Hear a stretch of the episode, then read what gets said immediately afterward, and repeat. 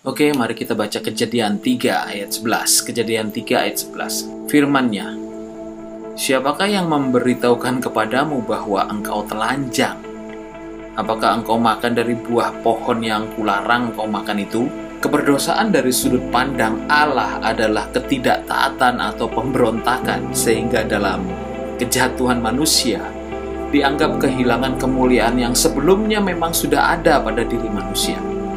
Jadi bukan hanya karena sebuah tindakan salah saja, efek yang diakibatkan adalah sifat dan naluri melenceng dari kebenaran. Mengerikan sekali. Sehingga dosa merupakan status yang ditetapkan pada manusia sebagai ciptaan, bukan hanya sebagai individu.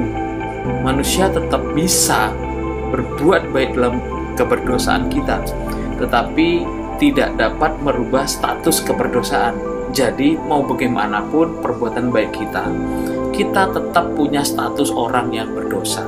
Dan penebusan itu adalah perubahan status dari budak pemberontak dikembalikan menjadi anak. Nah, di dalam pandangan kekristenan, Allah berkorban untuk manusia, saudara manusia dijadikan anak bagi yang percaya jelas. Ini hanya bagi yang percaya dan bukan lagi menjadi hamba. Saudara kalau membaca di Galatia 4 ayat 7 jadi ada relasi yaitu dari pihak Allah dan membangun relasi.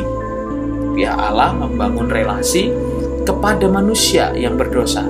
Sampai nanti suatu saat ketika Kristus datang dan menembus dosa kita terjadi yang namanya relasi antara manusia dengan Allah jadi sekali lagi dari pihak Allah dulu yang punya inisiatif untuk membangun relasi itu kepada manusia. Karena manusia tidak bisa membangun relasi kepada Allah karena keberdosaannya. Penebusan itu digunakan Allah untuk mengembalikan relasi yang terputus antara manusia dengan Allah. Jadi kita harus memahami pandangan kekristenan dengan benar. Dan kita harus memakai kacamata kebenaran Alkitabiah agar kita memandang juga secara benar. Yang pertama yang harus kita pahami adalah manusia dalam gambaran umum terpisah dengan Allah karena dosa. Jadi Anda dan Tuhan, saya dan Tuhan itu terpisah karena keberdosaan kita. Yesaya 59 ayat 2 juga mengatakan demikian. Tetapi yang merupakan pemisah antara kamu dan Allahmu ialah segala kejahatanmu dan yang membuat dia menyembunyikan diri terhadap kamu sehingga ia tidak mendengar ialah segala dosamu. Jadi saudaraku, kalau kita paham bahwa kita itu manusia berdosa dan tidak mungkin bisa menjalin relasi dengan Allah. Dan ketika kita paham hal ini, ada yang namanya kasih karunia turun kepada manusia, maka saudara dan saya patut untuk berbahagia. Begitu besar kasih karunia Allah sehingga dibangunnya relasi antara Allah dengan manusia. Itu penting sekali buat kita. Sehingga hidup kita penuh dengan ucapan syukur. Yang kedua, Kristus adalah satu-satunya penebus yang sudah dijanjikan ribuan tahun. Ya, saya ulangin. Kristus adalah satu-satunya, ingat, tidak ada yang lain, satu-satunya penebus yang dijanjikan oleh Allah selama ribuan tahun. Roma 3 ayat 23 mengatakan karena semua orang telah berbuat dosa dan kehilangan kemuliaan Allah sehingga tanpa penebusan manusia tidak bisa diselamatkan. Saya ulang. Tanpa penebusan manusia tidak bisa diselamatkan. Nah, kedatangan Kristus itu adalah janji yang sudah Tuhan berikan Suatu saat kita akan menerima janji itu dan Kristus datang. Pengenapan janji Allah sehingga ada yang namanya penebusan digantikan oleh kematian Kristus di kayu salib. Jadi saudara harus paham tidak ada keselamatan di luar Kristus. Tidak ada keselamatan di luar Kristus. Jadi hanya Kristus satu-satunya yang membuat kita boleh selamat, yang membuat kita itu terhubung dan terjalin antara manusia dengan Allah. Kemudian yang ketiga yang harus kita pahami, Allah adalah pencipta yang maha tahu, masih memerintah dan berkuasa sampai sekarang. Segala peristiwa di bumi dalam kendalinya. Itu yang harus kita tahu. Jadi jangan mengabaikan Allah. Ilmu pengetahuan bisa membereskan sesuatu, tetapi tidak segala sesuatu. Di atas ilmu pengetahuan itu ada Allah. Allah adalah sumber dari ilmu pengetahuan, sumber dari segala sesuatu. Jadi saudara harus sadar bahwa segala sesuatu yang ada di bumi ini, segala sesuatu yang ada di alam semesta ini diciptakan oleh satu pribadi, yaitu Allah. Dan Allah masih berkuasa dan tetap akan berkuasa bahkan selama-lamanya.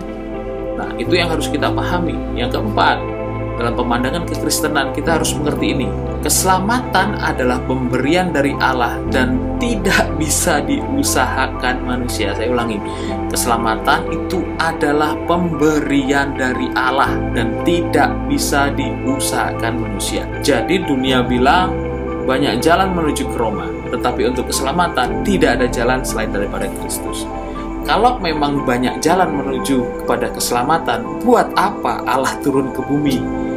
Itu yang harus kita pahami. Jadi tidak ada keselamatan di luar Kristus, tidak ada keselamatan di luar Kristus. Yang kelima yang harus kita pahami juga dalam sudut pandang kekristenan, iblis adalah bapak pendusta. Itu ada juga sampai sekarang dan terus berusaha menipu agar manusia jauh dari Allah. Saudara bisa membacanya di Yohanes 8 ayat 44. Jadi kita harus hidup di dalam kebenaran dan harus hidup dalam kasih karunia Allah agar kita terlindung dari godaan si jahat.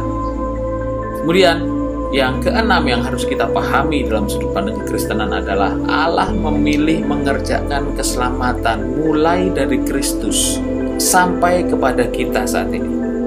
Pertama Kristus kepada murid, murid kepada manusia yang lain, jadi orang Kristen memiliki tanggung jawab membagikan imannya dalam Kristus kepada orang lain.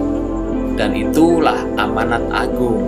Ya, Jadi nggak bisa kita mengerti dan memahami keselamatan sendiri tanpa kita membagikannya. Dulu kita juga diberikan berita keselamatan dari orang lain dan kita punya tanggung jawab ketika kita sudah diselamatkan untuk memberitakan keselamatan itu lagi kepada orang yang ada di sekitar kita. Itu adalah amanat agung Allah. Kemudian yang ketujuh yang terakhir, saudaraku, Alkitab adalah yang paling akurat dalam semua pengajarannya. Oleh karena itu, ajaran dan perintah dalam Alkitab, oleh karena itu, ajaran dan perintah dalam Alkitab itu bersifat otoratif dan harus dipatuhi sebagai hukum tertinggi.